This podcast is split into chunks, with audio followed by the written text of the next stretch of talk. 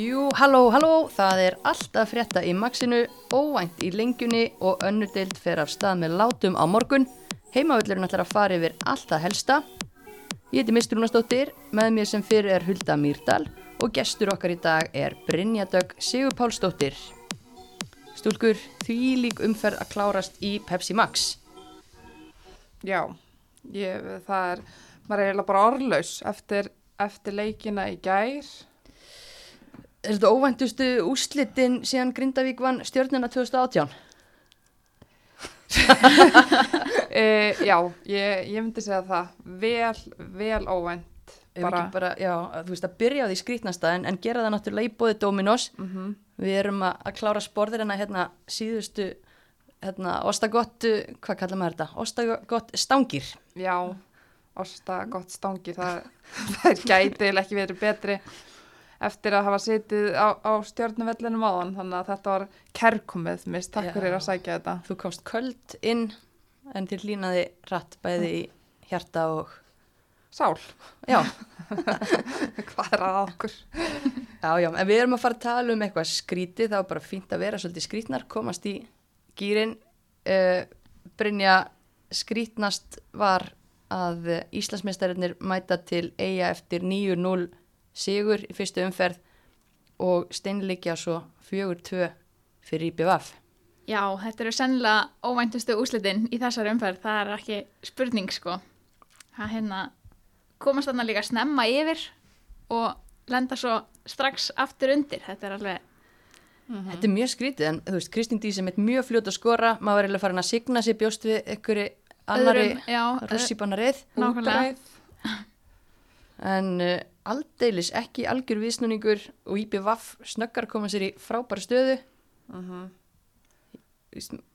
ég veit ekki hvað maður á að segja Nei. Nei. frábær framistaða náttúrulega karakter hjá IPVAF og líka bara skora fjögur mörg veist, þetta eru fleiri mörg en uh, hérna breðablik fekk á sig Nákvæmlega Sérsta sumar, já. já Það er leita ansi langt aftur til þess að finna tímabil bara hreinlega mm -hmm. þess að maður hafa fengið svona fjögur mörg í einum leik Emitt, og líka bara sjá þessu mörg það, hérna, þetta virðist vera eins og sleppi bara trekk í trekk inn fyrir þessa solid varnalínu en það er náttúrulega að missa heiti sér út af í byrjun leiks Já. og þá riðlast eitthvað aðeins en það er eiga að vera með nógu gott lið til að algjörlega breyðablik getur ekki hvort að vera ekki með breytt með... og hérna Ástafær náttúrulega telmaði mitt er það ekki? Þannig að Ástafær þarna sen sen og já það bara gekk ekki vel, hún greip það tækifæri ekki mér finnst hún ekki samfærandi í þessum leik Nei, alls ekki, en svo sem annað marki þá var maður líka að setja spurningamarki við allavega varnavinnina hjá breyðarblik mm -hmm. þó að hún missa hann vissulega yfir sig en þá var engin að fylgja Nei, það var bara, já, mjög ólíkt já. blikum, Mhm. þetta lið sem að mann hefur fundist með hausin algjörlega skrúaðan rétt á uh, bara einhvern veginn já, ég veit ekki, hálf vangaðar bara. Spurning hvort þeim hafi fundist full þægilegt að vera komnar hana eitt nú lifir, ansið snemma og bara haldið þetta færi gleymt, bara. já, gleymt að halda áfram svolítið. Uh -huh. en tölum um, þú veist, IPVAF Mhm. af því að þeirra Já. er náttúrulega afríkið, að hérna það er náttúrulega að tapa hana í fyrstu umferð í bara svona jöp, eða þú veist, hörkuleik, þar voru í rauninni nærði kannski að skora, fengu fleiri færi heldur en hérna Þór Káa. En það gekk ekki upp uh, það er áttu rönn í fyrra en, en við erum svona svolítið að reyna að meta hvar við erum að hafa þær, þetta var virkilega vel uppsettu leikur hjá þeim. Já, algjörlega. Og þessar útlensku leikmennir að koma virkilega vel inn í þetta hjá þeim. Mjög spennandi að fylgjast með þeim sérstaklega. Mhm. og svo náttúrulega kjarnin frá því fyrra og þessar ungu og frábæri leikmenn líka. Auður skefing náttúrulega frábæri markinu gerði mjög mikið, hérna, mjög mikið þátt í þessum sigri. Já, algjörlega Kristjana Sigurs mátti ekki spila, hún er náttúrulega láni frá blikum þannig að mm. það þurfti líka að færa aðeins til þar Mhm.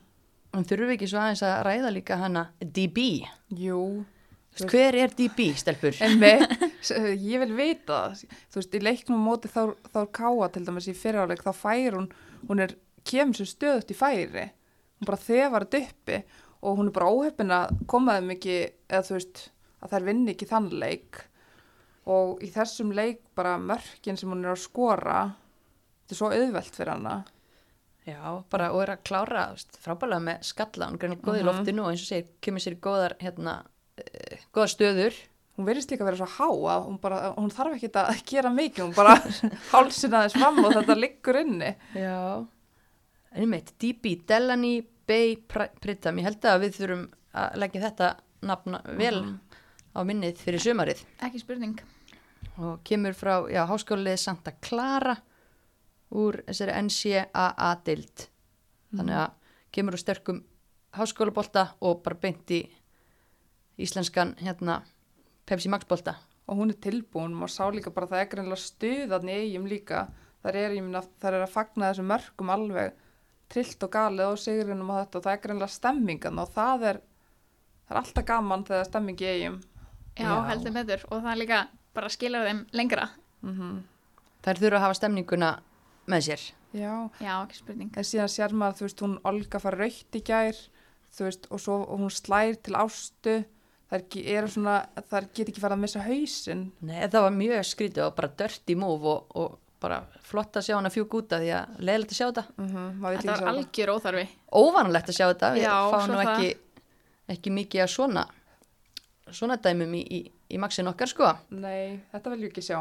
en uh, enga síður er mitt í BVF manni færri líka, það má ekki gleyma því í Nei. þessari uh, þessari sögu þar sem þær leggja ríkjandi Íslandsmeistara 4-2 og eru manni færri hálfan leikin bara þegar ég sá þetta, hún var að fara út af þá hugsaði ég bara, er breðablik fer inn í klefa í hálfleik og þær komum bara út snældu vittlis og kláraðan leik en það bara gerist ekki og það er bara áhyggjafni fyrir blika, myndi ég segja.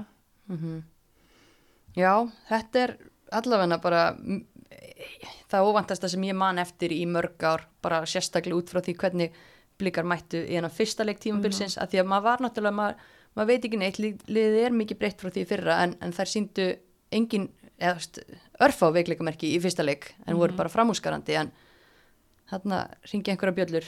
Já, og svolítið löpega svona á milli leikja þeim. Það heldur betur. Og maður hefur ekkert séð þetta, það, þú veist, hafsendar sé að fá sendingu bara á milli sín og það er sleppaðan í gegn og þú veist eins og Sonni, núna hugsa maður eh, það er sakna Sonniar, skilur, hún hefur verið að stjórna þessu alveg, trekk í trekk og Já, og ég er ekki vissum að ég hef gefið henni nógu mikið kredit í gegnum árin, því að mann er fannst hann alltaf með svo gott lið fyrir framann sig, en það er, fólk sér það.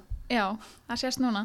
Mm En þú veist, já, nú er bara mjög áhugavert að sjá hvernig blikar mæta í næsta leik og þetta svara þessu og eins líka í bevafliði. Það eru með tap og sigur og þetta er alveg svona heiminn og hafa á milli líka þar. En það hljóta nú að fara með mikið sjálfströst allavega inn í næsta leik, þetta hlýtur að gefa smá búst í ekoð allavega. Já, þetta gerir það og líka bara um eitt, já, vinna Íslandsmeistarana í eigum, þær get ekki hætt, mótið er ekki búið núna þá þær hafa unni Íslandsmeistarana skilur það þurfa að mæti næsta leik, það get ekki verið endalist að fagna sér. Nei, En uh, En til hamingi samt, sorry ef þetta hljómaði eitthvað, þetta er geggjað. þetta er frábært og, og þetta er eitthvað sem að, þú veist, allir voru bara að tala um að það er þetta ekki vona í sumar, einhver óvænt úslit. Þú veist, þetta er það aftur svona svo í fyrra. Einmitt. En, uh, ó nei, við ætlum í öðruvísi sumar í ár. já, ég til í það. En talandi um það, kannski leiðilegt að minnast á það en við völdum náttúrulega Better You leikmann vikunar eftir fyrstu umferð. Uh, og kannski ekki alveg sama stuðið á okkar konu í, í þessum leik. Um, nei, en, en við skulum enga síður minnast á hana því að hún átti náttúrulega frábæra, hérna, frábæra leikandi í fyrstu umferð. Áslu Munda, mm -hmm. stórkosli í fyrstu umferð. Uh, og bara átti þá, þá voru fullt af fólki sem átti hérna góða viku en hún bara var frábær eftir endurkomu eftir erfitt síðasta ár, mm bara síndi okkur hvað hann er góð. algjörlega og, og hérna var kosin með, já, fjölda fjölda atkvæða Mhm. Better You leikmaður vikunar og við erum náttúrulega diggir aðdáðandur Better You uh, vörumerkisins Mm Brynja, hvað ertu helst að vinna með frá Better You? Það er Magnúsín flugurnar, Það ert í fótabæðinu já, bótabæði, langbest. Já, ég mæli líka með að, setja þær bara honni í allt baðið, ekki bara fótabaðið, bara hella pókanum honni í allt baðið og dýfa sér honni hann. gera vel við sig Já, ég ætla að gera það þegar ég kem heima eftir eftir langan dag. þú átt að skilið og taktu með þér afgangin á ástagottinu Já, ég gerði það. en hérna, það voru ekki bara einu óvænt úslit í gær þetta var styrlaða gerdaður Mm -hmm. hitliði sem hefur verið spáð Íslandsmeistara titlinum, það tapaði líka stigum og já, þróttur og valur gera 0-0 jafntefli í auðadalnum hvað viljum við segja um þann leik? Bara þróttar náttúrulega fagna þessu vel og innilega, þessu stíi, stórt stig, unnu vel fyrir því unnu vel fyrir því og ég bara verða að segja ég er ansi hrifin af þessu þróttar liði. Já, Mhm. ég samanlega því. Þetta er Það er bara, að vera að stíga upp svona síðustu tvö ár og bara Mhm. byggja óna það sem það er að vera að gera og þetta er mjög spennandi liðvarið. mm Já, ég var ég skal alveg, ég við kynna það, ég var svona ekkit alveg selt á þetta eftir fyrsta leikin fyrir norðan. Mér fannst hann ákveðin vonbreið, en jújú, jú, vissulega erfiðar aðstæður þar, skítakuldi og, og náttúrulega öll stemningin með heimaliðinu í, í liði, en mér fannst það að setja þetta virkilega vel upp. Í gær mjög sterkur varnarleikur, í öllu liðinu voru að loka svæðum sem að valskonur elska að, að nýta sér Mhm. og ég held að, þú veist, jafnvel með veist, aðeins öflura frammeira pari og það er kannski frammeira pa- pari sem er kannski komið í betra stand, þú veist, eins og hún Seilan, hún er, maður sér það að hún er ekki orðin 100%, þú veist, það hefði þær geta refsað, Mhm. en hérna mm, já, miðjan frábær, miðverðinir hjá þrótti frábærar Mhm. og bara gaman að horfa á þær og gaman að sjá líka Sólei þú veist, hún fær náttúrulega að spila með breyðablik hvað eh, heiti fyrra. Mm -hmm. og þarna er hún bara aðal konan í laugadalum og þú veist, hún koma bara á óvart í gær hvað hún stýgur upp og er bara drullu góð. Mm hún veist frábær og mér fannst sko líka eitthvað sem að valslið þarf að skoða, veist, er bara ekki miðjan þeirra of hæg, þú ert með sko leikmenn sem eru frábærar í því sem þeir eru bestar í. Þú ert með Dórmari, ert með Sisi, þú ert með Önnurakkel geggjaðar í því sem þeir gera best en það vantar allt tempo í þetta. Og þú veist, stuparnir og þróttaramiðinni eins og þú talaði nú um í gær Hulda, þær voru bara miklu betri. Já, Já. og líka bara það, það er einmitt stuppanir í þrótti. Ekki þá erum við að tala um Katie Cousins og hérna, hvað heitir hún? Shea, Shea. Shea, Shea, já, Shea, ég veit ekki alveg hvað heitir hún fremsta? Andrea Rutt og, og svo er Álfa Uh, nei, Já, hver er sendirinn, Já, hún heitir. Sheilan Já, Þetta hún er Seilan og hinn er Sea. Já, ok. Þær tvær voru bara, veist, þær þurfti ekki nema þær voru með snöggar hefingar. Mhm. Og þingdapunkturinn á þeim var fullkomin. Hann var niður eitthvað stær í jörðinni og þær náðu bara að hrista þær af sér hann að trekk í trekk. Og mér fannst bara að þetta valslið, veist, þær eru með íta ástis á kantanum. Mér finnst bara, þú veist, þær taka ómargar snertingar á boltan. Það þarf að vera miklu Þetta, já, já, beinskittara Já, þar eru íta í geggjuði fótbolta, ástísi geggjuð, Elin líka, þú veist, það ná ekki alveg að tengja við Elin og það er það sem þeim, Mhm. þær sakna frá eins og Margrét og Hlín, þú veist, þær tengdu bara fullkomlega, þær voru í sama heila og Elin, en þú veist, þær er ekki að tengja þarna fremst og mér finnst það bara, já, Það er kannski partur af því að það er ekki búin að ná að spila ná marga leiki saman á Mhm. undirbúinistímabilinu eins og kannski maður hefði viljað. Mm Algjörlega. En En svo- það á við um öll liðin. já, en ég meina ástis og íta eru búin að vera þarna í nokkra ár núna, þar eiga alveg að þekkja Elinu, Já, svo sem er rétt. en já, En svo sá maður líka bara í sig fyrra. Við rættum þetta alveg líka um að okkur fannst miðjan of hæg í valsliðinu. Mhm. hvað innspýtingu Gunnildur Issa kom með þarinn þegar hún kom inn. Það gjör breytti einhvern veginn leikliðsins og þá fór hann að tikka. Það er bara spurning núna hver ætlar að þú veist, taka skarið og hvernig ætlar það að breyta dýnamíkinni til að fá mhm, meira tempo í þetta. Einmitt. Mitt. Mér fannst líka bara eins og Mary Alice, mér fannst hún vera bara á halvu tempói, það er eins og hún sé, þú veist, hún er svo ógæðislega góð, eins og hún var ekki alveg að nenna þessu skilur, hún hefði geta kert upp bara, en það var svolítið svona, þú veist, Ég held hún sé bara eitthvað tæp, hún var, hún, mér fannst hún betri í gær heldur en í fyrstu umferð, þar bara samar hann að valla, hún átti allan að 2-3 hættulega bolta mm fyrir í þessum leik í gær og veist, við erum ekkert að segja það auðvitað, valskonur voru líklega í prósentum já, aðeins meira með boltan og allt þetta en, en hvort liðið var að skapa sér opin færi. Mitt. Mhm. mist Edvards næsti að skora þegar hún hérna, skallar í slána eftir hotn og mist var endar frábær í já, loftinu. Ég átti þetta allt saman. Einmitt.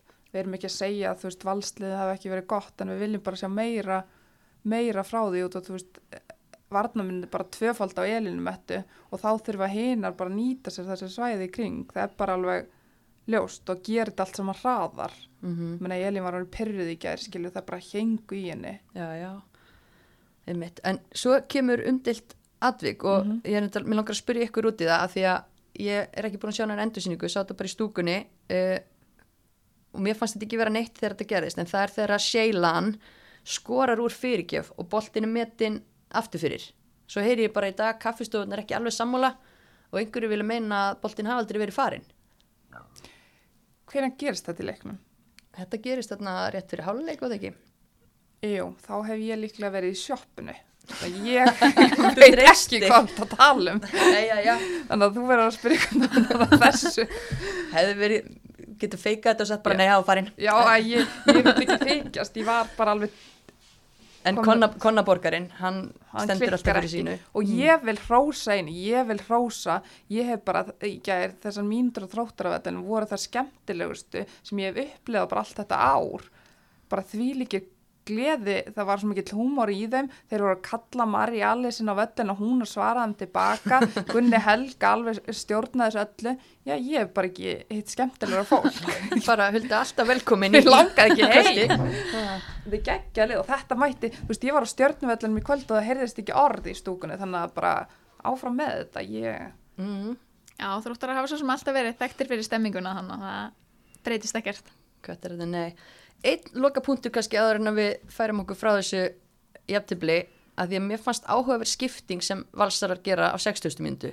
Pétur svona frekar verið svona, hann er ekki það íhaldsamur, já, en uh, á 60. myndu þá fara íta á annar akkil út og ok, gott og vel þær eru ekkert alveg að ná brjálegum takt í þessu, en mér hefur svolítið gaman að sjá hver að koma inn, Katla Tryggvadóttir fætt 2005 sem að við höfum verið að spekulera hvort þeim eitt ætti að vera í KH í sumar eða, eða yrði í val og svo Solveig Lassen sem er náttúrulega nýkomin til liðsins, verið að spila sína fyrstu mínútur í maxinu með val.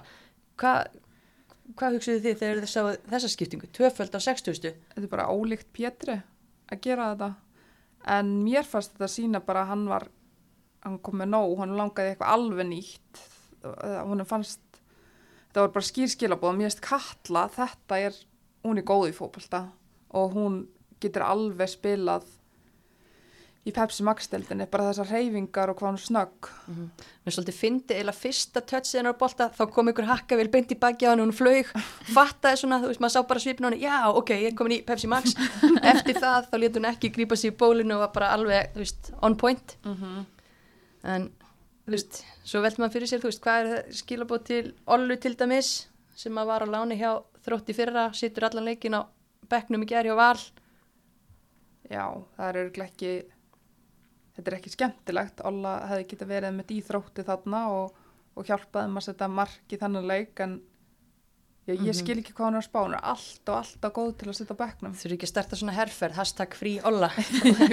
Komin á lán ekkur, þú veist. Jú, jú, ég, hérna, þig gerðnar að fá hann í þrótt en bara ég vil hún spili. Já, Já, er því. bara endilega og bara frábært að það getur verið í val en, en einhver staðar viljum við sjá hann að spila. Mhm, en hérna lífi heldur áfram og það var haldið áfram í dag mm, Þór Káa tók á móti Selfossi og Akureyri Brynja þína konur í Þór Káa Já, þetta klikkaði eitthvað aðeins í þeim í dag. Það var ekki, stóð ekki alveg í selfhúsi í þetta skiptið. En hvað er að Akureyravelli?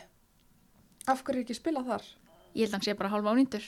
Æja, Það erst ekki búin að lesa hérna við eða pistilins byrtist í dag fótbolti.net nei. Nei, það er mikið verið að ræða þetta Það er þjálfari Káa sagðist helst vilja spila eða ekki alla heimalíki á Dalvík og eitthvað Bara Jú, jú, jú. Akkur er að bær fá svolítið bön á sig fyrir að sjá ekki um þetta Já, hann er náttúrulega búin að vera ekki í standi mjög lengi. Greifavellir. Já. Það þú ekki í bæjarpolítíkina fyrir norðan bara, bjarga þessu Æ, ég læta að vera. Ég skal berjast fyrir Þór en káa má bara Já, standa í sig sjálfur. Það er þannig En uh, já, Selfoss þær eru toppnum eftir, eftir fyrstu tvær þetta, þú veist, já, Hólmfríði náttúrulega með comeback og djúvill er ég ánað með hana. Hún bara er ennþá svo frábær að hann verður að halda áfram að spila. Það er bara þannig. mm Kemur alltaf á óvart.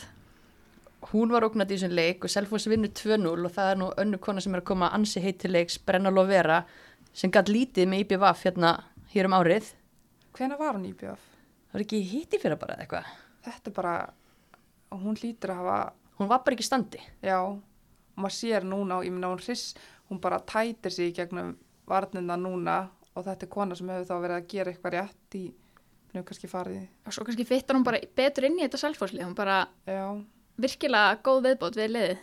Algjörlega og bara mjög stert hjá Alfreða að spotta þetta af því að ég veit alveg að það voru einhver sem sögðu nei af því að þau hefur bara síðan að hann Einmitt. síðast, hún hérna var að tala við fleiri íslensk lið þannig að með að við fyrstu tvo leikina þá er hún búin að skora hvað, þrjú mörg og hérna og marki á hérna hinn er setna marki líka. ú, Já, það var Kitty veist Heaps. svakalegt.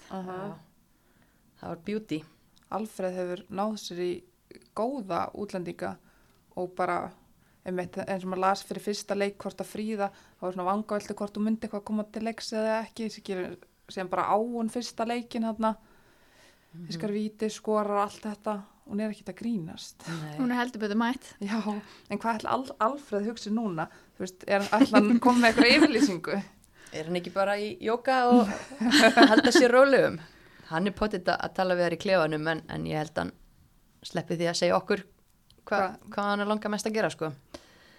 en að því að maður hrósa útlendingum þá hérna náttúrulega lendaði í miklu áfalli og missa markmannin sem Anke Preuss sem átti að spila með þeim. Þetta er út rétt fyrir mót og hann kipir inn Guðni Geirs frá eigum á láni. Og þú veist það er leikmaður sem er ekkit búin að spila brjálæslega marga leiki þessari deild og, og margir svona að setja spurningum ekki við. Þú veist, er hún tilbúin í þetta? Hún er búin að halda hreinu núna í, í fyrstu tveim og var í flottu viðtali á fótbolti.net hennar markmið sumar er að sína að hún er heima í þessari deild. Já, hún er greinilega hungruð að fá að sína sig og spila mínútur og það er bara frábært að sjá að er að nýta þetta. mm Bara, algjörlega. En hvað hérna bara stert hjá, hjá Selfossi og, og hérna verðskuldaður sigur í, í kvöld. Hvað er að, að klikka hjá Þór Káa okkur er það ekki beittari einhvern veginn? Þetta er náttúrulega mjög ungt lið og ég vona að það stíi heldur betur upp þegar Arnarsif kemur tilbaka og ég held alveg að það gerist. Það vantar svona kannski lítirinn í þetta sem að rýfur þar upp og svona en þetta er nú ekki alveg skelvileg byrjum hjá þeim þótt að, þótt að það gæti verið betra. Einmitt, þetta er, já, ég meina þrjú stig eftir tvo leiki, það er, það er hérna bara, bara þokkalegt uh, en maður svona, ég veit ekki mér, mér fannst svona vanta eitthvað aðeins upp á svona eitthvað, ég veit ekki springikraft eða, eða eitthvað þarna síðustu metrunum. Já, algjörlega sammála því. En eins og ég segi, Arnarsif er risastór biti bæði karakterlega séð og svo bara er hún búin að taka sér þvílita á, á þessu ári þannig ég held að hún verði frábær í dildinni í ár og ég held að verði þvílingum munur fyrir Þórkáa að fá hana aftur inn. mm -hmm. félagskiptinu er dottin inn þannig að þetta er bara spurningu sótt hvað það ekki? Jú, ég myndi ekki ská það. hún, æ- ég held hún, hún ætti að vera klár í það var eitthvað að tala um að hún myndi missa þremur svo er maður að heyra að hún nái næsta leik. En kemur það- ljós, já Þetta var áhugavert að- það sem ég lasi mitt sagan hennar þarna hvernig hún er búin að taka sig á í mataræðin og er komin í sitt bara besta mögulega bara andlega og líkamlega form núna. Þannig að ég er eins og þú, ég get ekki beðið eftir að sjá hana, búin að standa sig vel í Glasgow. Nákvæmlega. frábær lesning, við ættum eiginlega að deila þessu á Instagramið okkar Endilega. af því að mjög áhugavert að, að lesa. Kvartning að fyrir bara já. Alla, og Hún bara, er rosalega flott fyrirmynd, hún er búin að gera allt sem hún getur til þess að koma sér í stand fyrir þessa deild og búin að standa sér frábærlega út í Skotlandi.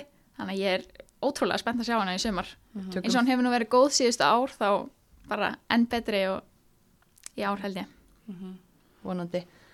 En uh, Hulda, þú varst að frjósa í, í fristi klefanum Garðabæ. Mhm. Mm, 0-0 það var það var, það var samt smá hitt í leiknum. Það, það var hit í leiknum og Keflavíkur liðið barðist fyrir þessu stíi en það bara Gunni bara mjög sáttur með þetta. Kristján enda saði við mig viðtala eftir leika hann væri líka sáttur en mér fannst trúi það því ekki. Nei, þær átti að vinna þennan leik og heimavelli. bara, já, á heimaðall á móti Keflavík sem er nýlegar í deildinni. Þú veist, stjarnan er bara miklu meira með boltan bara var á dælun minn og teig þar er bara klára þetta.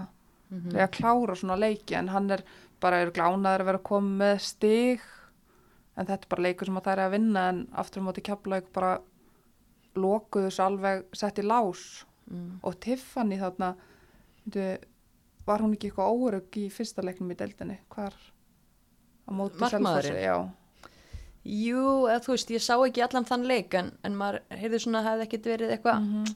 ekkit eitthvað brjálæslega hugreistandi framist aða finnst hún sko frábær í kvöld.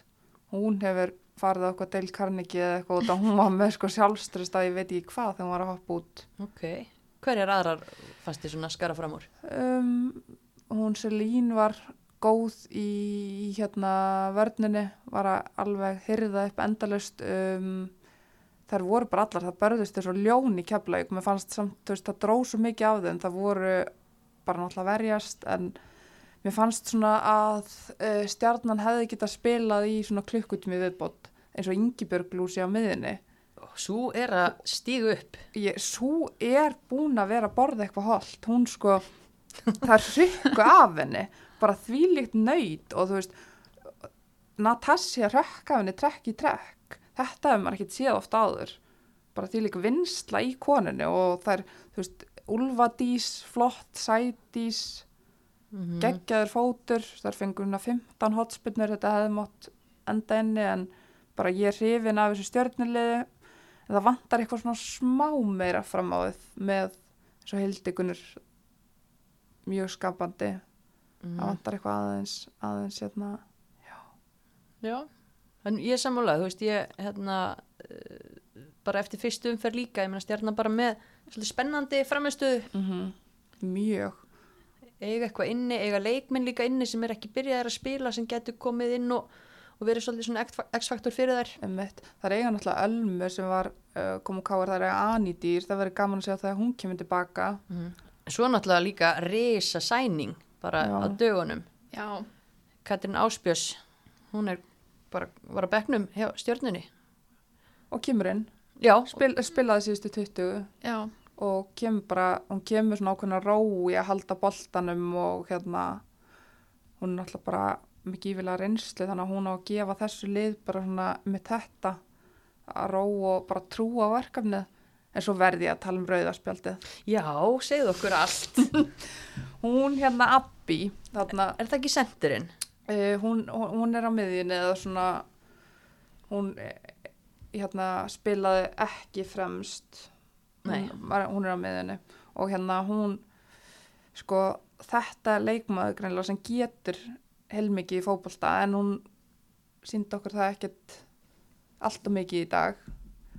Og Ekkert allt Nei, mikið nei, þetta- það var eitt eitt atvik í leiknum þegar það kom setnihálugur þá spændi hún sér gegnum stjórnuvörnina bara þannig svo hún hefði hugsað bara ok, ég, ég ætla að gera þetta í nennisu spændi sér í gegn en hún þá var ég bara, shit hvað hann er góð í fótbolta. En hún var ekkit að nanna þessu oftar í dag. En aftur á móti, rauðarspjaldið takk fyrir að spyrja. Hún, hérna, hún brýtur á sér og svo klappar hún eitthvað fyrir dómarunum þegar hún lappar í burt svona eitthvað í andlita á honum. Og það má ekki. En svo tók hann, að- það tók hann svona fimm mínútur að drulla sér út af. Hún ætlaði ekki út af, ætlaði ekki inn í, inn í klefa. Þannig að, Var enginn að tjónka við hana? jú fyrir Val- Skaphundur Það er þá tvö rauðspjöld, skaphundar rauðspjöld í þessari umferð. Er nú sjálft séð. Verður Þetta er að byrja bara. Og svo náttúrulega, já, þú veist, það eru bara þessir fjóri leikir að því að fymta leiknum, hann var frestað, þú veist, COVID á króknum og engir sjensateknir, bara fínt, þú veist, við tökum enga Nákvæmlega. látum þetta mótur rúla eins og við getum, en ég hugsa nú að fylgisliði þessi ansi súrt að fá ekki að mæti á völlin og, og svara fyrir þessa hörmungi fyrstu umferð. Já. Já, auðvitað. En ég held nú samt að við verðum að setja þetta í fyrsta sæti að passa okkur að missa þetta ekki úr tökurum, svona loka, loka metrunum. það væri ömulegt að fá COVID og nýta 9-0 tap þá er þetta nú ég lorfið Já, það er þetta farið, en það voru góða fréttir og bæði lið, bæði fylgir og tindastóll voru að fá nýja leikmenn í dag. Uh, tindastóll er að fá hérna, Silvi Birgis á láni frá stjörnunni, svona fljótur og áræðin ungu leikmaður sem að Óskar Smári, annar þjálfari liðsins, þekkir vel náttúrulega frá því að þjálfa annarflokk stjörnunar í fyrra. En síðan er kannski aðeins stærra nafn sem var að detti í árbæðin. Það voru búin að sjá það. Já, þetta kom mér á óvart samt, ég var ekki, hafði ekki heyrt þetta. Segð mér. Já, Fjóla Sjalla, mætti fylki, þeim vantaði stríðsmann, Já, kíkti í símaskrána strísmaður eitt fjöla og hún er bara mætt já, þetta er óvænt ég býst að hann verði í stóru hlutverki, þó að já, maður veit ekki alveg hvernig veist, staðan er á henni í þessari endurkomu. Nei, nei, en uh, ef hún er heil já, 100% og við tölum um það að þú veist, það vantar einmitt þennan brjálaða strísmann sem að lætur í sér heyra og lætur finna fyrir sér og, og hérna einmitt, hver er fremst í, í símaskráni Það er fjóla.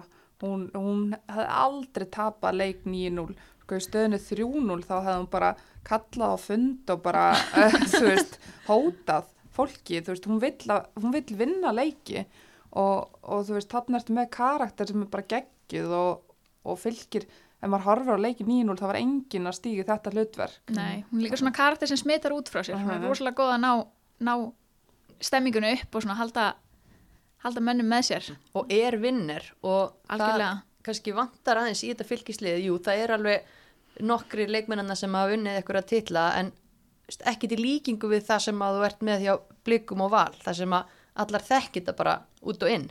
Þannig að fá svona kempu þarna yfir það er bara virkilega vel gert. Og fylgi var endur að fá annan leikmann Shannon Simon muni eftir henni. Hún spilaði með Grindavík í hérna var ekki í fyrstu deildinni? Eða var það annari, ég man ekki alveg. Það var allan að leikmaður sem að var mjög góð í þeirri deild í slöku Grindavíkuliði og Grindavík, já þetta hefur verið í fyrstu deildinni að því að þær falla Já, já. Mm. og hérna en hún var samt, þú veist, tilnefnd í lið ársins og, og annað. Minnur hún ekki norður írsk eða já, Ekki, bresk held ég Grindavík hefur nú yfirleitt verið þekktu fyrir að ná í góða útlendinga þannig að mm en hún var mætti mitt á stúkuna í stúkuna á Kópavóðsvelli og horfði á þetta afhróði, hugsaði bara hvað ætlar hún að staldra við nefndi ekki aðra hérna, snúið við á staðnum. nefndi ekki sótkvíð þannig að hún tekur slægin og, og hérna það er alveg, þú veist, leikmaður ef hún, ef hún er í ef hún getur mattsað líkamlega partin af Pepsi Max þá er hún mjög flink á boltan mjög útsjónusum, smá svona Kitty Cousins it. Já, spennandi. mm En að því að við erum búin að tala líka um óvænt úslit þá er eiginlega ekki annað hægt árum fyrir mér annað dildina heldur en að minnast á lengjudildina. Fyrsta umfyrin þar var spilu náttúrulega í síðustu viku Mhm. og það var ekkit síður styrlu umferð heldur en í, í maxinu Nei, það var nó- nóg að gerast. og liðin sem að hefur verið spáð topp þremur FA og afturhelding og K er bæði hérna hjá okkur og, og, og þjálfurum og fyrirliðum þau töpu öll stígum. Já, Þetta verður bara ótrúlega sterk deild. Mm Hafnafjörður er rauður og hver er litla sýsti núna sett ykkur haukar á Instagram það er hérna ef það ekki kíkti hérna í heimstóð til okkar náða að kveikja eins í, í hérna uh, erki fjendum sínum sko þannig að mjög gaman að þeim rík já. Það er svona hættulegt fyrir fyrsta leik og tapa síðan. Það er svolítið sárt. en þú veist, F-fáliðið kannski klaufar að, að sækja ekki út úr þessu leik en, en haugarnir er mjög klókar og bara einhvern veginn stóða af sér þessi áhlaup og svo nýttu þau bara, það er ákveðinu veikleikar aðna aftast, þú veist, það er verið að slípa sér saman og það er að pressa hátt F-fáingarnir skilja eftir plásir spila með þrjá hafsenda, plása nýta sér og Og hauka með margar ungar og snöggar og ferskar þannig framalega. mm Ég var hefðin að Berglindi Þrastar og svo náttúrulega bara Hildu Karitas frábær, getur haldið boltanum og, og já, mér, ég var bara mjög hrifin að þessu haukalið. Við vorum búin að vera eitthvað svona aðeins að downgreita þær en bara ég er, Já, þú ert komin að hauka vagnin ég kom fremst á haukavagn eftir þannig leik. Já, og ég meina virðist sem að erlenduleikmennin er að séu líka að fara að vera styrking, það hefur ekki verið þar kannski síðustu ár. Og hérna veist, why not menna það er eiga nokkra af efnilegustu leikmennu deildarinnar, ef að Hildur Karitas helst heil, þá er hún, þá er hún já, bara top 3 sendir í sér deild fyrir mér Algjörlega. Það líka má ekki gleyma því að haukar síðustu ár hafa verið að skila frábærum leikmönnum upp í pepsiteldina til dæmis. Þannig að þetta er flott starf sem er í gangi þarna hjá þeim greinlega. algjörlega, en það eru blóð á einhverjum FH tönnum eftir þetta, þannig að ég veit nú ekki hverjar það er eigin næstu umferð en það geti orðið Ég vil ekki vera fyrir þar.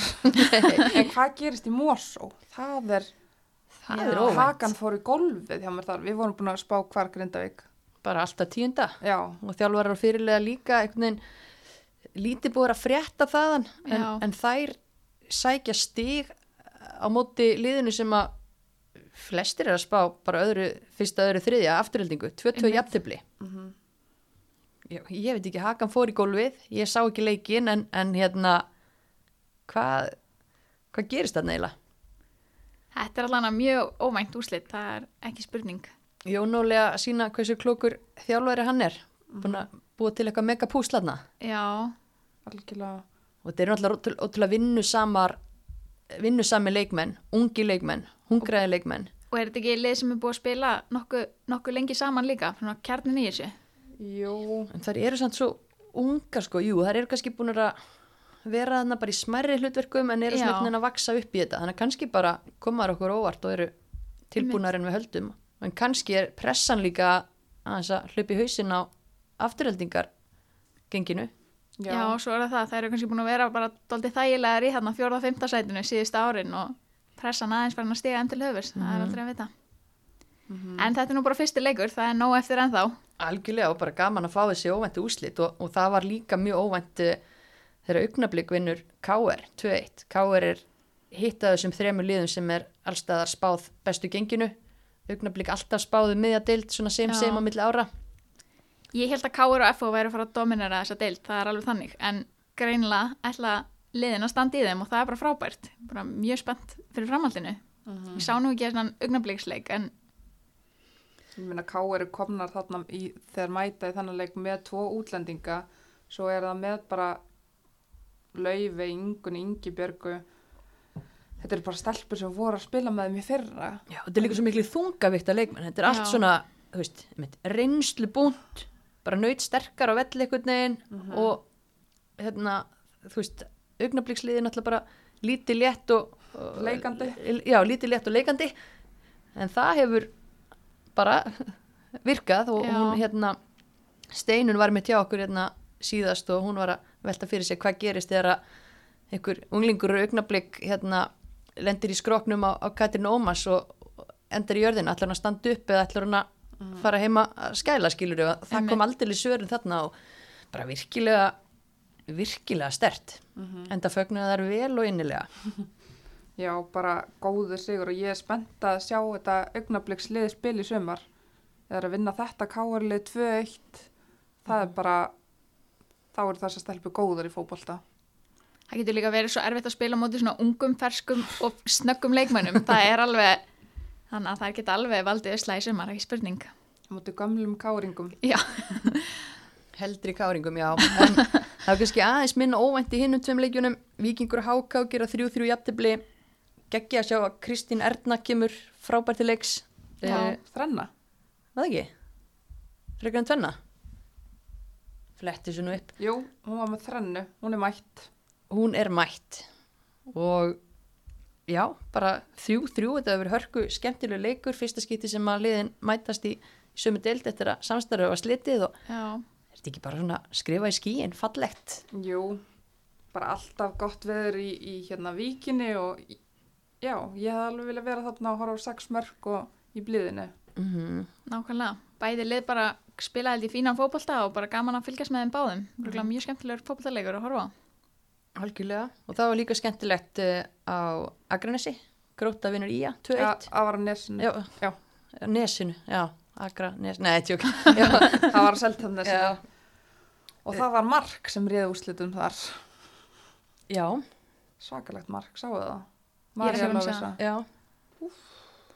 Fekk feðring, þetta var bara, þetta var svakalegt Úr að lýsa, ég mista af þessu. Þetta var bara Hvað, við, tók hún ekki bara skoppand á lofti Jú, þetta var bara svona vistuðu laust bara með að rist í, í, í uppi hægra með fjær þetta var, Fallegt. þetta var fallegt maður er oft séðast að stelpu skora mörg sko en er oft svona eitthvað sem tekur á hraðanum og Einmitt. bara er að klára mætt en þetta var bara stórkostlegt mm -hmm. það þarf gæði í þetta 100% en hérna leikmaður fyrstu umfærar í lengjudildinni hver var það?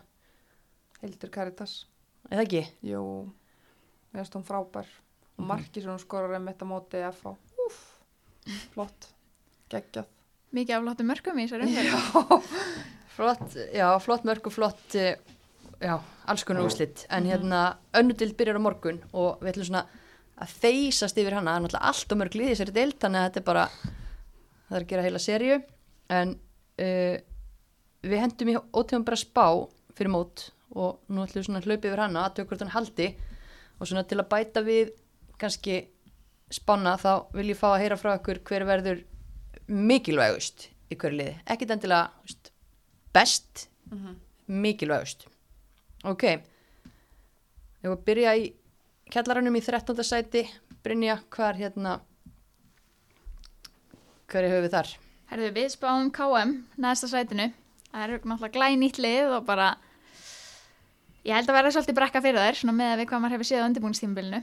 Mm Þannig við höldum, höldum þeim bara áfram, áfram þar og við höldum hérna, mikilvægasta leikmann þar fyrirliðin sjálfur á ég að droppa því eða Mhm.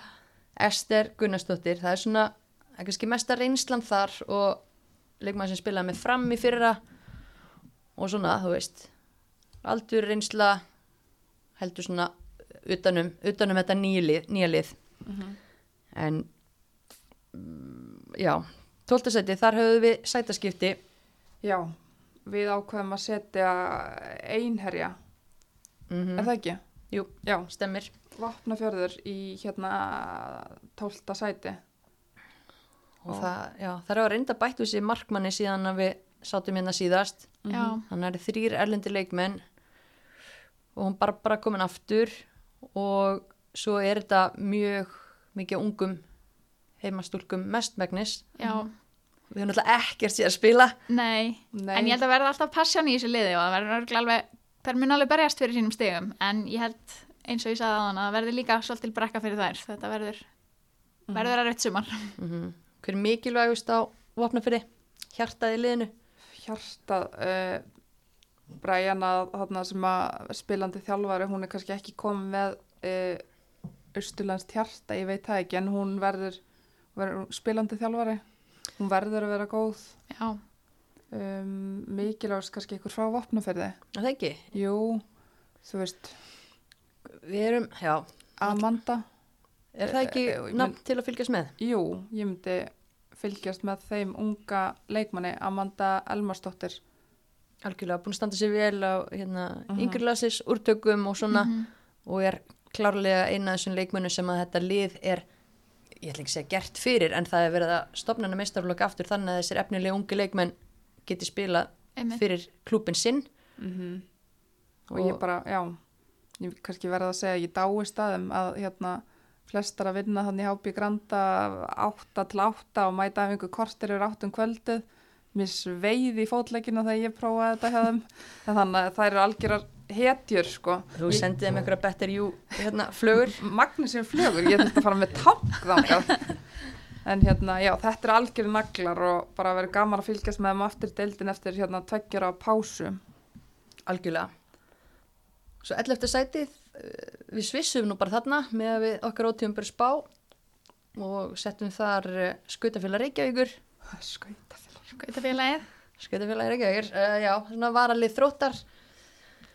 Og við erum kannski að hækka þér upp að því að það er bara það er fá fullt af svona spennandi nöfnum. Mm Já, það er eftir að koma í ljós hverjar eru í standi og hverjar eru eftir að standa sig í sumar en þetta er alveg nokkur spennandi nöfnanda sem við sjáum og sem að hafa, hafa verið góðar í gegnum árin. mm -hmm. geti alveg farið ofar eða spyr mig sko já Þessi deild er náttúrulega mjög mikið spurningamerki eins og er en En þegar maður sér leikmenn eins og Mari Rós og Dilja Ólafs sem voru bara svona leikil mennjan í Pepsi deildinni fyrir nokkrum árum, þær eru reyndar búin að regnast bad, ég þekki það ekki hvernig það fer í mann, en þær eru mættar aftur og það verður bara ótrúlega gaman að sjá þær spila fótballt aftur. mm algjörlega. Sierra líka sem var hérna, þróttahaugum Já, það er bara alls konar drottningar sem eru mættar þarna og eins og Brynja segir þetta er kannski svolítið spurningum um formið og, og svona hvar hausin er þú veist, Já. er þetta hobby eða á Einmitt. að setja púður í þetta en það er einhverna sem ætlar að setja púður í þetta og við ætlum að velja hana sem mikilvægasta Já, það er um Þórkalla.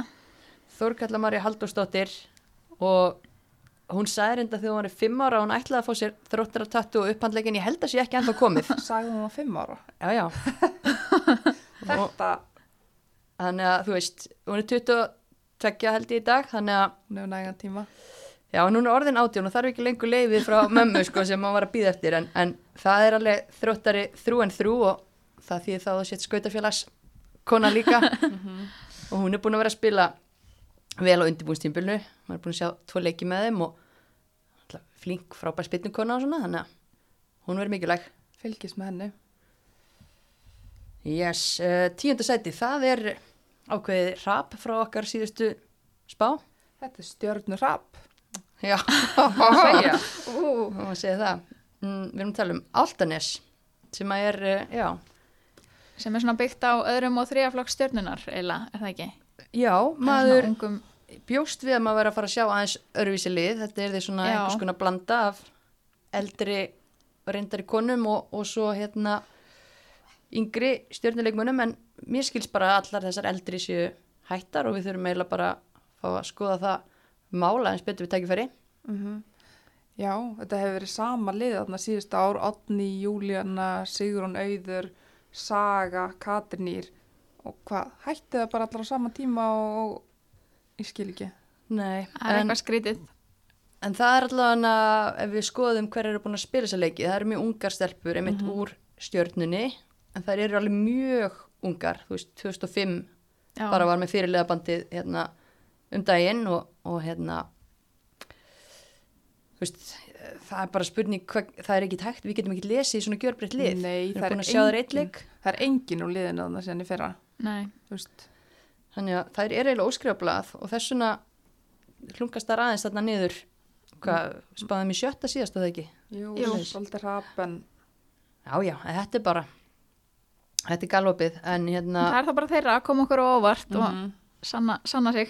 totally, og hver, hverja hérna tippum við á að verði mikilvægast þarna? Brynja, ég hendi þess á þig, ég er, Já, ég setti mist smáradóttur á blað, virkilega ungur leikmaður sem að um, var með þess að fyrirlega bandi allan í einhverjum leik hérna á undirbúinstímbilinu. já, spilaði móti SR núna um daginn og einmitt, Já, já, eða það, já, byggarleikin sem Já. er unnu. unni í framleggingu, já Já, þannig að, að hún er spennandi leikmaður og það er svona áhugavert að sjá 2005 módel með fyrirlega bandið. mm Þannig að það hlýtur segja ímislegt um karakterinn sem að leikmaðurinn ber að geima. algjörlega um, nýjöndasætið það er Hamar sem lendi í sjötta sæti í fyrra. Um, við erum að færa þær eitthvað neðan líka það ekki jú, Jú, þær voru í áttunda hérna í ótímum bærisbráni. En það er ekki færið langt. það er nú ekki Nei, fór ekki lengra langt. lent. Nei, nei. en uh, það hefur svo sem ekki breyst á leikmannamálu þar, þú veist, þetta er svona, þú veist, við vitum að það er stemning og gleði, þannig að við, Já, þú veist, og, og við vitum að þetta eru fínir leikmenn, en marga flotta leikmenn sem eru með hjartað í þessu, það er ekki spurning. mm En Missa skemmtilega leikmann Sunnefur Hrönn í FH, bara góð leikmaður, þannig er spurning, já, fá Brynni Valgers. já, já, já. Og- já. Ég held að þetta verður bara þú veist, svipaðar hópur og í fyrra og það er bara eiginlega spurningin, þú veist, er nýja brumi farið af þessu eða verður aftur, hérna, þú veist, verður eitthvað svona stemningsstig í pottinum eða hvað, uh, en hver svona er mikilvægist þarna? Þarf að spurja því, verðum við ekki að gefa Dagnið þetta? er það ekki? Mhm. Hún er náttúrulega svakalegu karakter, rosalega góð í fótbolta og náttúrulega komin með Hamars tattooið á, á sig og bara all in í þessu held ég. Mhm. Og nær líka að draga sko nokkrar með sér í þessar styrluðu hugmynd að fá sér tattu. Það er leiðtögi. Þannig að, jú, ég til ég að setja á hana. Já, það verður gaman að fylgjast með henni í sumar held ég, hún Já. að gera góða hluti. Ef ekki henda það áskorun á Þórköllu í leðinni? Hvað, hvað náði dæni mörgum í tættu? Fjórum eða ekki? Jú, Þannig að Þórkalla, það er áskorun fjóra með SR eða þróttaratattu í lók tímabils, takk fyrir. já, við erum sveigjanlega með þetta. Heyrðu þið, en áttundasætið, það er uh, smá tilfæsla. Já, við erum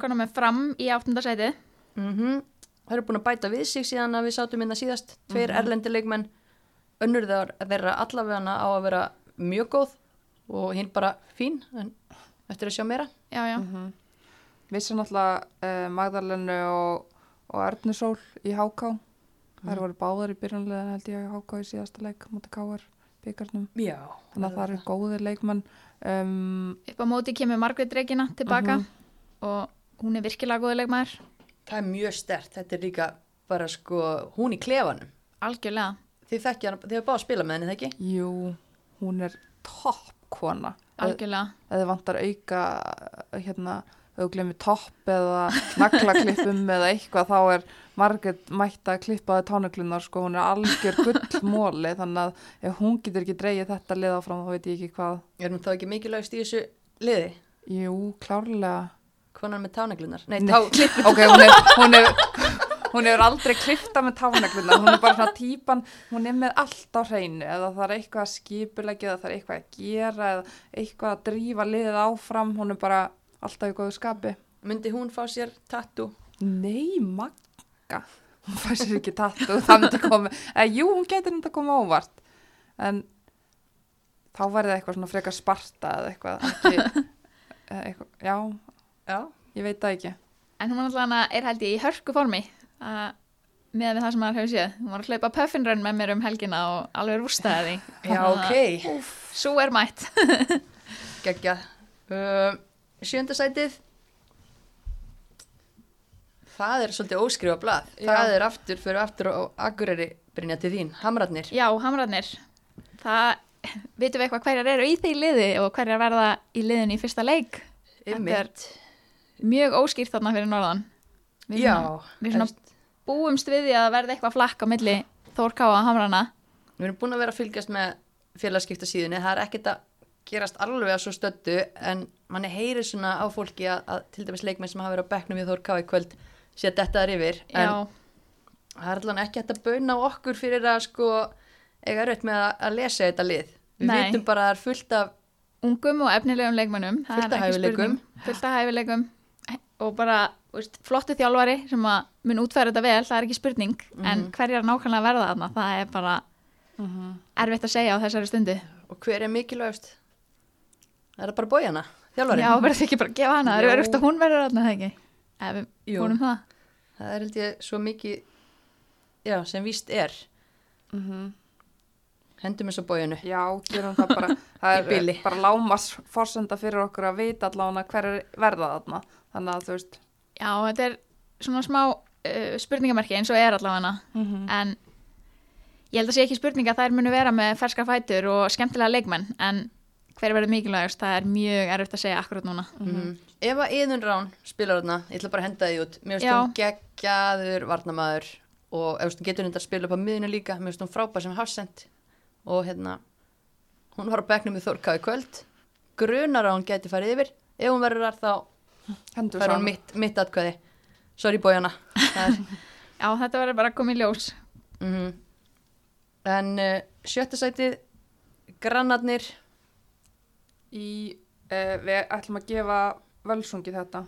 mm Já, Þær koma úr, fymta og niður í sjötta. mm Já, við, þetta er erfitt. Liðið er náttúrulega að koma niður á lengjutildinni og þá gerum maður ráð fyrir því að, að það er ætti að vera hann að narta í kringu toppin en okkur líst ekkit brjálæðslega mikið á hversu mikið þeir hafa mist. Það eru búin að missa mjög stóra pósta, það er ekki spurning og ég held að sé alveg með unga, ungt og efnilegt lið en það verður eiginlega svolítið að koma í ljós hversu góða útlendinga þær eru að fá og hversu mikið þær styrkja liði til þess að sjá nákvæmlega hversu, hversu mikið þær munu stríða liðum hann á ofar en fyrir mig þá get ég þessum að setja neðar. Ég veit ekki neitt almennilega hvernig þær munu vera í sumar. Nei og það eru náttúrulega ekkert búin að spila á undirbúnstímbilinu, þú veist, ég var aðeins á kjarnafæðismótinu en ég meina Já. það var þeim tíma sem að Starpa Áskis var ennþá að, spila með þeim svo mikil skellu fyrir þær að, hún ætlar að kalla þetta gott allan í bili. Já, og Arna Benny, þessi reynsla og sýsturnar sem fóru í, í Viking, Dagbjörn og Arnildur Ingvastætur, ég veit ekki alveg hvernig þú ætlar að, að hérna, svona, já, Púsla þessu saman. Ekki það að það er mikill efni við, við vitum það, við erum búin að sjá ungar stelpur á undirbúinstímpulinu Berta Marja, til dæmis, já. En ég er svolítið rættum að uh, völsungur sé bara í svolítið uppbyggingu núna. Þær séu bara með nýtt lið og þær þurfi bara smá lengri tíma til þess að stimpla sig eitthvað almennilega inn í þessa deild ef ég á að vera alveg hreinskilin. Mm En En ef að útlendingarnir eru geggjaðar, algjörlega, þá gerir það ansi mikið í annar dild, það Ekki er bara spurning. þannig þannig að, en við, þær eru þarna í bili geymum þær þar og færum okkur upp í fimmtasætið það er hástökk eða ekki líka Jú, við letum lefðum Sindra að stökkva svolítið í töflunni núna. Við vorum með það í við nú- níunda sæti hvað okkur? Þetta er hástökk. Þetta er hástökk. Jésus góður, já já uh, af hverju eru þær að stökkva svona rosalega hátt og, og kröftulega Ég held að ég hafi heimtað þetta. Mér finnst það spennandi. Það hafa alltaf verið með lið sem er að stríða einhvern veginn öllum, öllum öðrum liðum í deildinni og þær hafa ekkert misneitt eitthvað stóra leik, eh, nöfn sem ég allan að mann eftir. Mhm, Það eru svona Svona- aðeins einhverja breytingar en, en aftur samt- á móti er að fá mjög góða styrkingu. Já, og halda mikið af sömu leikmennum samt líka. Þannig að, já, bara eins og ég segi, þar hafa alltaf verið einhvern veginn að stríða öllum liðum finnst mér í deildinni. Þannig að ég hef aðeins meiri trúaðum. Já, þú veist, ég, bara, ég skil ekki hvað við vorum að, að geta þarna þegar við settum þær í nýjöndasætið en uh, já, gott og vel, hver eru mikilvægust á hotnafyrði? Mm, ég held að það sé Samíra, Já, er það ekki? Samíra Súleman, hún er bara, hún á að vera mikilvægust þarna, verður að vera þá. Já, en svo eru líka þessar ungu heimastelpur sem er að styrkjast með hverju árinu eins og Guðrún Ása Aðalstinsdóttir já ég er mjög, mjög spennt að sjá hann í sumar. Hún skoraði hvað, fjögur í einum leik þarna um daginn Mm og bara verðist, verðist vera í toppstandi. Þannig að það verður gaman að fylgjast með henni líka. klárt uh, en þá erum við komin upp í fjórðasætið og þessi efstu fjögur sem við erum eftir þau náttúrulega gefa sæti í umspilinu sem að hérna verður svo bara bingo lotto hvernig, hvernig fer, eh, þú veist, ég veit ekki alveg við höfum svo stuttan tíma en, en þú veist það er náttúrulega þetta delta fyrirkomulega er efni í, í heilan þátt já, Mhm. og svona mjög mismunandi hvað þjálfarar hérna, þú veist, hvernig þeir vilja leysa þetta í að fjölga leikjum og svona en ég held að það sé engin kátur með einhverja úslitakefni þar sem að heilt mót ræðist á hérna, einhverju einni viðregn. Nei, Nei. nákvæmlega og ég meina ef þú endar á toppnum þá er fáránlegt eiginlega að þú getur sleppti að fara upp pinsmanni. Einmitt. Það er bara ekkert gefið þér fyrir það að vera bestur yfir tól leiki. Nei, Hulda varst þú í framliðinu hérna um árið þegar Já. að, uff, Er úrstöðum deildinni en svo tveir leikir á móti þrótti og rautspjald og markmann eða ekki á fyrstu Jú. mínútu eða eitthvað. þannig að allt sömari fór í vaskin á einum leik og það er ekki góð tilfinning. Nei, ég þróttari og ég finn ennþá til með ykkur, Já. þetta var ógeðslegt. Þannig og að vond. Vonum bara að það verði ekkit svoleiðis rugg sem klára þessa deild en hérna við ætlum að spá því að IR verði í fjórðasæti það er á sama stað og við höfum þær síðast Já. og við erum hrifna bara því sem er í gangi þannig í uh, neðra bregðaldinu Já, ég held að sé á réttri leið. Það eru búin að eiga erfið tvö ár allavega hana. Já, En þú varst náttúrulega að spila með henni fyrra spilaði aðeins með í fyrra og líka hitti fyrra. En mér sýnist það að vera í frábæru uppbyggingu og það er búið að taka til á ýmsum stöðum. Þannig að ég held að þetta verði flott sumar hjá þeim og já, ég held að sé allan daginn að fara í þessa úslitakefni og eiga alveg sem svo að enda ofar. En svo veitum við það líka að það getur ýmislegt gerst þannig að Mhm. En nú endaðar mitt voru neðstar í fyrra veist, hvað helduru að hérna, af hverju ættu að geta endað ofa núna? þær eru bara byggja á sama kjarnanum, þú veist, liðið sem það voru með í fyrra var fínasta lið, en það var kannski ekki allt alveg nógu vel útfært og svo var þetta líka, þú veist, þær voru að skora hellingamörkum, en það voru að fá svolítið af mörkum líka, þetta var svona missa niður leiki sem að áttu að vera örugur sigur og voru komna þrjún og lifur á móti fram sem endar þrjú þrjú jafntöfli eða fjögur þrjú tap, ég man ekki. Allavega, þú veist, þetta er svona alls konar svona leikir sem skipta bara ótrúlega miklu máli, þú veist, bara þessi framleikur og svo hamarsleikurinn undir lokin og allt þetta, þú veist, að það er svo lítið til að hliðra aðeins til úrslitum og þá er það bara komnar upp í upp um 2-3 sæti, þannig að en það er að haldið sama kjarnanum og er með flott lið og ég verð að segja að komir alveg óvart að það er ná að halda öllum þessum leikmennum því að ég held að það er þið áhugi frá öðrum liðum og veit ekki hvort það var en allavega frábært að hafa ná að halda þeim Já. Og að því að þú þekkir nú vel til þá er nú bara vel við hæfa að þú segir okkur hver verður mikilvægst þannig sumar. Ég held að Unnur Elva verði gríðarlega mikilvæg. Hún er flottu karakter og skora mörg. Frábæra að koma sér í færi og frábæra skora mörg. Og svo held ég að Lofisa verði líka gríðarlega sterk þarna. Hún er líka með frábæra fót. Hún getur skorað og gerð svona hvaða færi sem er og með frábæra sendingar. Og já, ég held að sé bara þessar tvær verði svona, það er allra mikilvægusti. Verður lofis á miðinu helduru? Já, ég býst við þeim. Já, þetta var allavega spennandi. En svo finska, ég, Já. Já, hérna, va- vitum við eitthvað um hana? Við vitum að hún er góð í fútsal já. og hún er ung, Ok. leiðtogi, Já, miðmaður. ég held að spila svolítið á því hvernig hún fittar inn í liðið bara, hvort, að, hvort hún ná að koma með það sem hún hefur verið, sem hafa verið hennar svona qualities. En þau segjast að hafa lagt svolítið púður í að að finna rétta leikmannin í liðið sitt. Já. Þannig að það er eitthvað búið að skoða og, og velja inn. Þannig að vonandi bara gengur þetta upp hjá þeim. Mhm. Algjörlega. Og við reiknum með því samlega þessari spá. Já, og ég meina Magga segir hérna við ykkur í síðasta þætti, hún ætla bara upp, var það ekki alveg skýrt? Jú, jú. Já, ég held að þær séu alveg, alveg með það stimplað inn í sig að þeim langar upp aftur og ég held að ég er eiginlega eigi alveg tækifæri á því en var að koma í ljós. Klálega. Uh, Þriðasetti, sama lið og, og við spáum þar síðast og það var nú maður hérna með okkur í setti þá sem ætlaði heldur betur að skjóta þeim upp. Erum myndi að hafa tala þær um- í Pepsi. Já, við erum að tala um KH, knaspinu á hlýðarenda og það er, já, varalið vals en alveg kornúnt. Já, þetta er mjög spennandi lið en það er mjög erfitt að segja hver á eftir að vera mikilvægust. Þetta er svo, það eru allar mjög ungar og efnilegar og við þekkjum þær margar úr yngri landsliðunum Mm en Já, það, það verður eiginlega svolítið að koma í ljós, sko. Þú veist, maður þekkir svona, það eru nöfn sem eru svona kannski búin að dúka oftar upp á úrtaksæfingum heldur en önnur og svona og það er allt bara toppklass leikmenn og líka bara með flottan haus. Uh, gaman að sjá, þú veist, Aldís Guðlustóttir sem er sýsti Byrtu Guðlaugs, markmanns í stjörnunni, hún er hérna U16 landslískona, hún verður hérna í markinu, það er rosaflottur og efnilegu markmaður. Og hérna og fyrirliðin Sigriður Theodor ég held ég hef nú nefnt hana líka hérna síðast en mér veist það líka bara geggjaði karakter frábær miðumæður og svona mjög drífandi og að því að við vorum að tala um annan fyrirlið að Hjaltani sem er fætt 2005 þá er, er hérna vals fyrir, ja, KH fyrirliðin það líka og það er bara flestar hérna 2004-2005 þannig að það er kannski það, þú veist. Já, þær eru, við vitum alveg hvað eru góður í fótbolta og, og mögulega mestu, þú veist, gæðin já, og potensialið í þessu liði. En hvernig mattsaðar það þegar að þær fara, þú veist, austur í fjaraðbjörðarhöllina og, og fara að mæta, veist, erlendum. Einmitt. Ég held bara að það- þessar stelpur, sko, ég held bara að það er dyrka að spila fótbolta, það er dyrka að horfa á fótbolta, það er lifa fyrir fótbolta þessar stelpur í KH og ég er bara ótrúlega spennt að horfa á þær spila alveg fótbolta.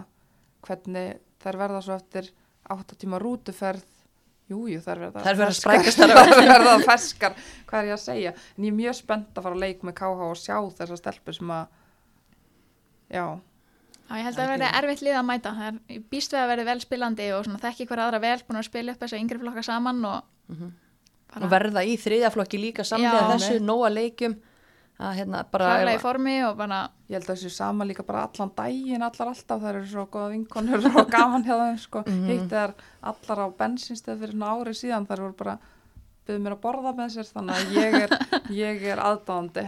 Já, ég er, er sammála, þetta er algjör gullmólar. Uh, Annarsæti, tamdararam, verður eitthvað breyting? Nei, nei, Við ætlum að byggja upp góða spennu. þetta er svo svakalega mikið að liðum, væl. nei, toppurinn helst svolítið óbreyttur hjá okkur. Það var aðalega ringlaðna í miðjupakkanum. Já, En við settum fjárðabið höttu leikni í annarsætið mm og ég held að þær hafa bara verið góðar síðustu tímabil og hafa haldið svona mikið af sömu leikmönnunum og er að fá mjög góða útlendinga, eða við búumst allan að við þær séu að fá mjög góða útlendinga en þá kannski meira eftir að koma í ljós. fjögur stykki held ég og, og hérna, það segir mikið í þessari deild að vera með styrkingu kannski í, á öllum stöðum vallarins þannig að það eru búin að vera nálægt þessu svona síðustu tímabil og það er mikill metnaður eins og við svo sem rættina áður, þú veist, umgjörðin og annað. Það er bara eitt markmið og það er ætla, ætla Já. upp og við einhvern veginn höfum bara trúa því að það ekki að þær séu bara færar um það. Þið voru alveg, þið voru alveg með þetta hreinu, þannig að ég er bara með ykkur í því, en hvaða íslensku leikmenn eru þarna, hver er mikilvægast þarna? Eh, Sko, ég held að mögulega sé að vera að fara að sjá eitthvað svona þungavíkta erlenda leikmann, þú veist, ég, ég þekki það ekki þannig ég get ekki sagt Nei. hver það verður en mér finnst alveg mjög líklegt að, að það verði eitthvað svona sem steli svolítið seninu þannig en veist, við getum haldið áfram að tala um leikmann sem er miklu uppáldi en á heimavellinum sem mikilvægasta Já, mögulega þó hún sé ung. Já, Freyja Karin já. Mikill markaskorari, skoraði hellingamörkum í fyrra. Mm Hvað er hún Hún er eins og við hefum þekkt hann í svona átta ár með Já. hvað hún hefur verið að standa sig vel. hún er ekki fætt 2004 Hún er þá 17 eða, já, hvað svoleiðis, verður þetta í bílprófið. Ok. en hérna þú veist, ég held bara að hún sé svolítið að, að vaksa með þessu tímabili sem hann átti í fyrra. Mm sé bara að fara að taka einmitt, meira til sín, þú veist, líka bara svona félagslega og í, í klefanum og, og þessu öllu sko. Ekki spurning, hún var stór, stór biti fyrir þetta lið. og svo Steinun markmaður og fyrirliðin náttúrulega líka búin að vera hann að heilengi og er Já. bara geggjur típa og bara góði marki og, og hún er mjög mikilvæg hann líka þannig að Mhm. skulum ekki líta fram í henni. Ekki spurning en þá eru það útreikningarnir hulda. Þú elskar þá, það er eitt lið eftir. Ekkert breytt. Ekkert breytt og það segja allir að þetta lið ætli bara, eða muni bara eigi engum vandrað með að fara upp. Þetta er lið í gráfóinum, þetta er lið fjölnis. gular, gladar gráinum já, þær ætla upp. Fólk hefur trú á þeim. Já, þær, þær voru náttúrulega bara ekki góðar í fyrstu deildinni fyrra. nei, Nei. það er búið En það er búið og það er önnur deildin núna og er svona mikil munir á þessum deildum. Já, það held ég nú. En líka bara það var tómt tjón á þessu fjölnisliði fyrra. Það var meðslapláa, það var þjálfara, bras, þú veist, breytingar stutti fyrir mót og já, það var bara einhvern veginn Mm svolítið skrifa í skíin, þetta var bara glata sumar og en það er þetta er stór klúpur sem að þarf, eða þú veist, ef hann setur almennlegt púður hvenna megin hérna þá hefur hann allt til þess að bera til þess að búa til flott lið. Og þetta er það stór klúpur að þetta lið á ekki að vera í annari dild nei. Og ég held að fólk í grái sé alveg vel með á nótunum þar og eins og við hefum rætt það er búið að ráða tvo hérna, þungavíkta þjálfara saman í þetta sem að þekkja þetta vel það sé mjög mikilvægt að fá reynslu þar og svona svo er bara svona fín blanda í leikmannahófnum, þetta er ekkit brjála mikið reynsla því að hérna, það er frjósemi skeiðan hefur sótt hart á gráfóin og, og margar fjarrikuðu gamni með börn í mögum. En hérna þú veist þannig að ungu stelpunar sem eru sprækar og efnilegar þær eru svolítið að fara að vera aðal með mögu yngþós í markinu Já, hún ætlar að taka slægin í markinu. mm það er reynsla þar en uh, líkilmaður eða mikilvægust Sara Montoro, erum við ekki alla sammála um það? Jú. Er eitthvað að fara að rífast um mig? nei, hún, hún, hún fær það já, hún er líka að- í miklu metum hérna á heimavellinum og, og við höfum trú á henni ekki spurning og fjölnisliðinu en hérna, já þar með líku þessari yfirferð, það voru eins og sé toppurinn óbreyttur, botnin óbreyttur en 5. til 9. það var alls konar, já, mesta tilfæsluna þar alls konar fjör en það erum við bara eins og allir aðra á Íslandi að renna blind í sjóin og það kemur bara í ljós annað kvöld hvernig hérna, hvernig liðin koma til leiks og verða öruglega einhverjar svona last minute breytingar og tilfæslur og hitt og þetta en við ætlum að enda hérna annar deildar uppbytun okkar á því að, að taka svona smá uh, stuð í bóði Símans. Og uh, við fáum ekki nóg á Símanum. Það var reynda pínu leðilegt uh, hulda að þú hafði ekki verið inn í síðasta þætti af því að þar voru gestirnir mjög miklu Love Island aðdæmandur og ætlaði að fara að tæla mig einhverjar slíkar hérna, umræður. Ef það koma þér í það að horfa Love Island, þá eru þær ómannlegar. Já, er þú í þessu Brynja? ég er búin að taka þetta Oh. En sko, já, ég ætla ekki að gera það en það er einfallega að því að það er bara allt og mikið af öðru Gucci dóti inn á símanum premium og, og tala nú ekki um símanum, símanum sport. Ég ætla að mæla með sistraböndum. Ég veit pínu old Já. news að því allir misti sem páskana, geggjastöf. Ég á, eftir að horfa þá og hérna, ég er spennt, ég hef virt gott. Frábæri þettir, Mhm. uh, hámhorf. Algjörlega.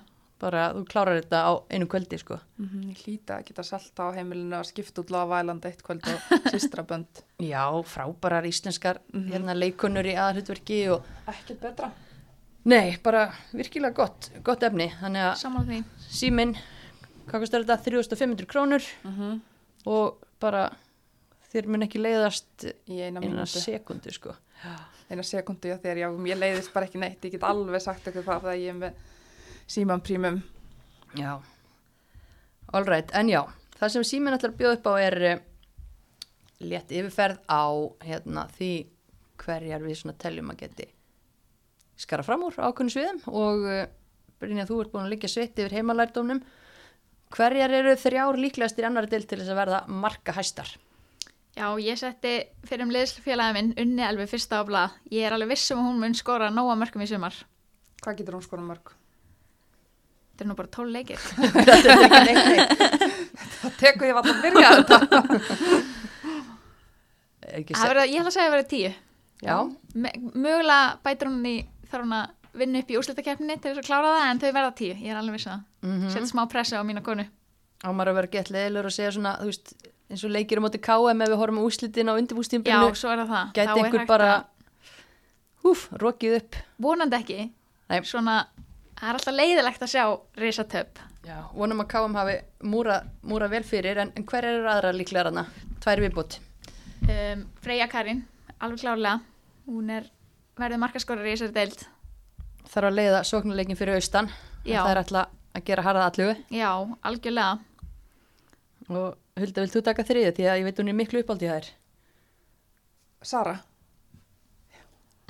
Já, uh, Sara mun skora mörk í sumar. Það er alveg á tæru, hún er geggið í fótbolta.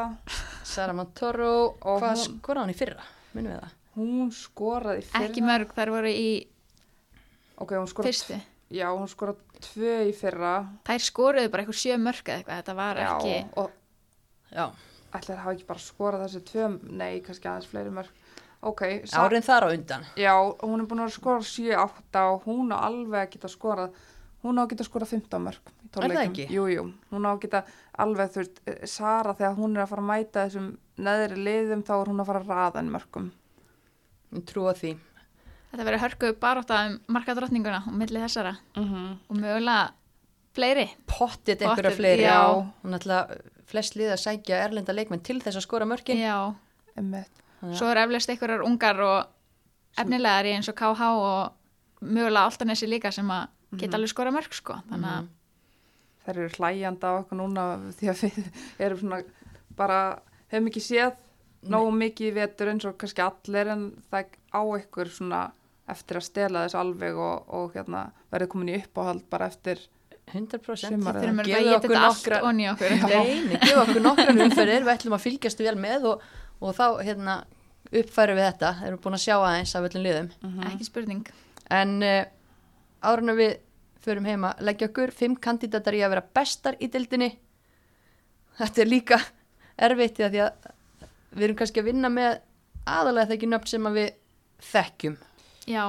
Jú, Ég meina við getum ekki gert neitt annað. Það hafa verið spilað ótrúlega fáir leikir og því miður lítið hægt að dæma þessa nýju leikmenn. En við reynum okkar besta. mm Hulda, viltu aftur tilkynna þínu uppáðsleikmann og gráði? Sara Montoro, hún á að geta verið best í þessari bild og ég vil sjá bara eitthvað stórlið kaupa hana eftir sumarið, stórlið þá er ég að tala um stórlið á Íslandi fjölnir er samt stórlið á Íslandi eins og þú veist að tala um uh, mér langar bara að sjá hann í deild ofar Við erum ekki bara fara upp með fjölni. jú, hún á bara að vera að spila í Pepsi Max-deildinu finnst mér Ok, það er bara flott. Þá gerum við kröfu á að hann verði einn af þeim bestu í Mhm. annari dild í sumar. Uh, önnur hotnafjörður á, á hérna, eina sem Já. við elskum. Samíra, Já, ég held að hún verði sterkur, sterkur kandidat þarna fyrir austan. Mm er búin að sína sig í þessari íslensku deild og búin að stimpla sig inn í hana síðustu ár og bara við þekkjum hann allar og við vitum að það er erfitt að spila mótinni og hún er ótrúlega góði leikmaður og stór karakter í þessari liði. þannig að við hendum henni þarna. Um, en við erum að hafa einhvern markmannalista.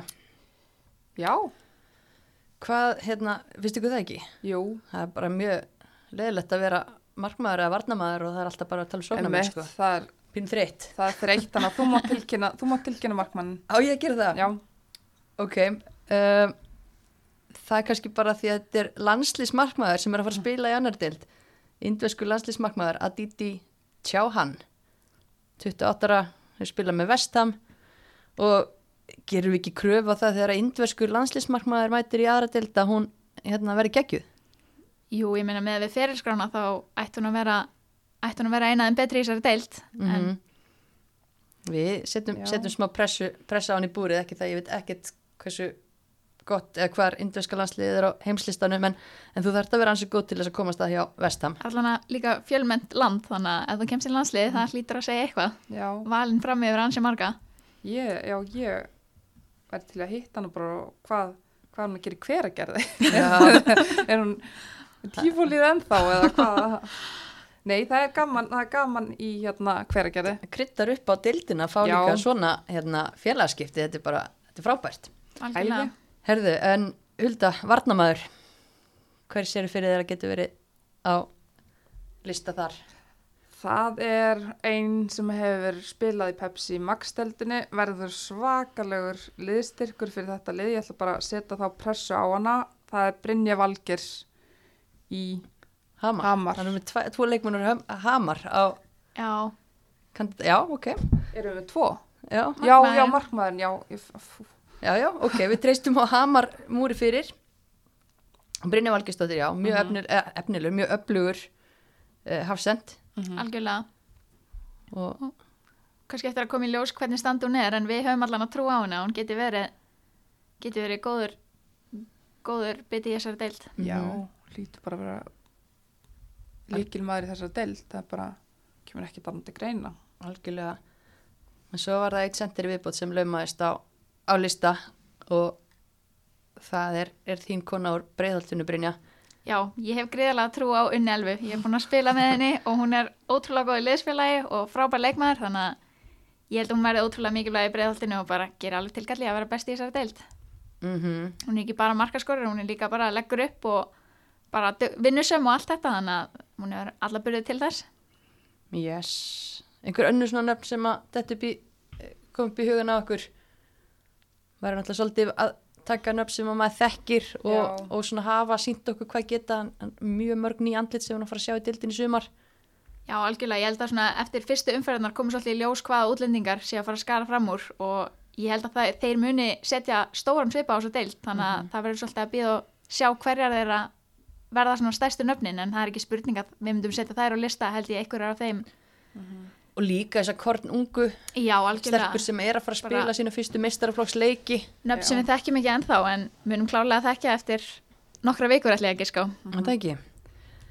Klárt, en hérna loka, loka bytti þessi, þessi önnudild hefst annað kvöld með alveg heilum helling af leikjum og við náttúrulega alltaf til að mæta á völlin Já, það er eru tveir leikjur á morgun og svo restin á fimmtudaginn, en þetta er náttúrulega og föstudag, Já, fyrstu dag, já.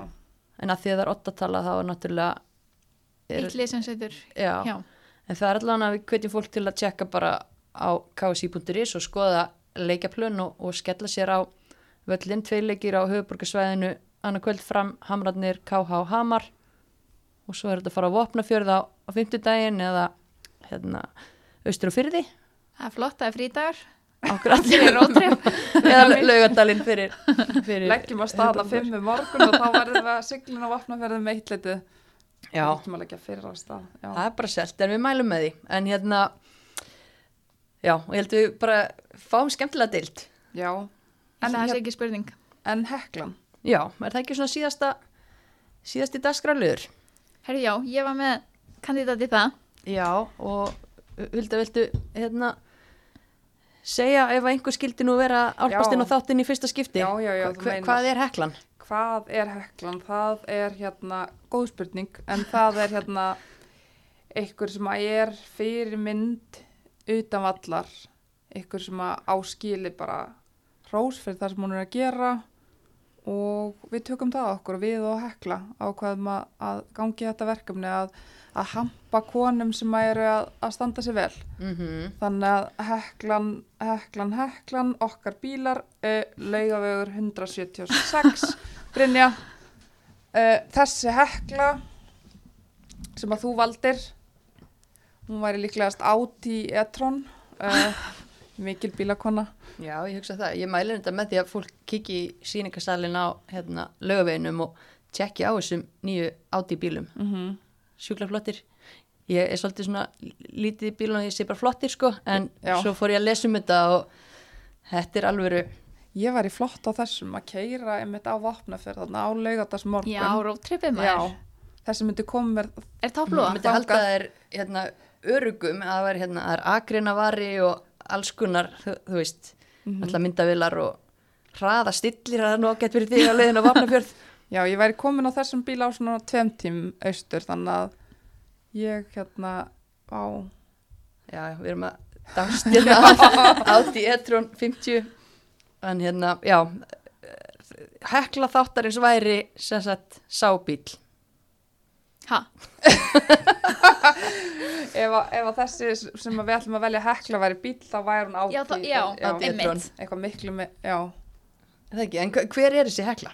Já, hver er hún? Hérna, mér langar að senda þetta á Kristínu Holm Geirsdóttir sem að er að gera greiðlega flotta hluti með styrtaþjálfin. Hún er styrtaþjálfari hjá Kristinstad og hefur verið með svona pakka fyrir undirbúningstímabilið, verið að hjálpa íslenskum stelpum og sennilega einhverjum strákum líka en allan að veit sem fullt af íslenskum stelpum sem hafa verið í hérna svona styrtaþjálfin hjá henni á undirbúningstímabilinu og hún heldur úti síðu með frábærum fróðuleik og setur mikið inn á Instagrami sitt þannig að þetta er svona smá sjátátt í leiðinni en hún allan er að gera mjög flotta hluti og mér hún eiga skilir hrós að Mhm.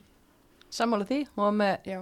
yfirtökumastu á Instagramin okkar Mm fyrra og síndi svona frá því sem hann er að gera og bara virkilega svona metnaða full og, og klár já og með kona. einmitt bara gera mjög flotta hluti þannig að Mhm. mæli með að kynna sér það ef maður hefur áhuga á því Einmitt. og það er líka bara einmitt, hún er að setja prógram fyrir undirbúningstímabil fyrir eins og fótbolta og svona það er ekki sama hvernig þú ert að æfa á undirbúningstímabil og hún er með þetta allt á hreinu og, og hérna bara já, Já, bara ekki típa. mm ótrúlega flott svo þekki hana nokkuð vel og hún er sennilega einn mesti peppari sem ég þekki líka þannig að það skemmir ekki fyrir að vera með peppandi styrtaþjálfara og hún í allt þannig að Mhm. Peppandi heklan, já, Kristín Holm, verðskuldað.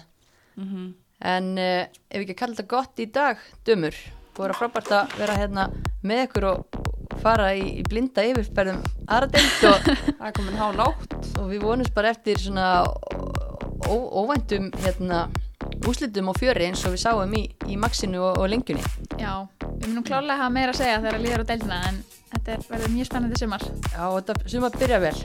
Get ekki byggð eftir morgundeginum, mæta á öllin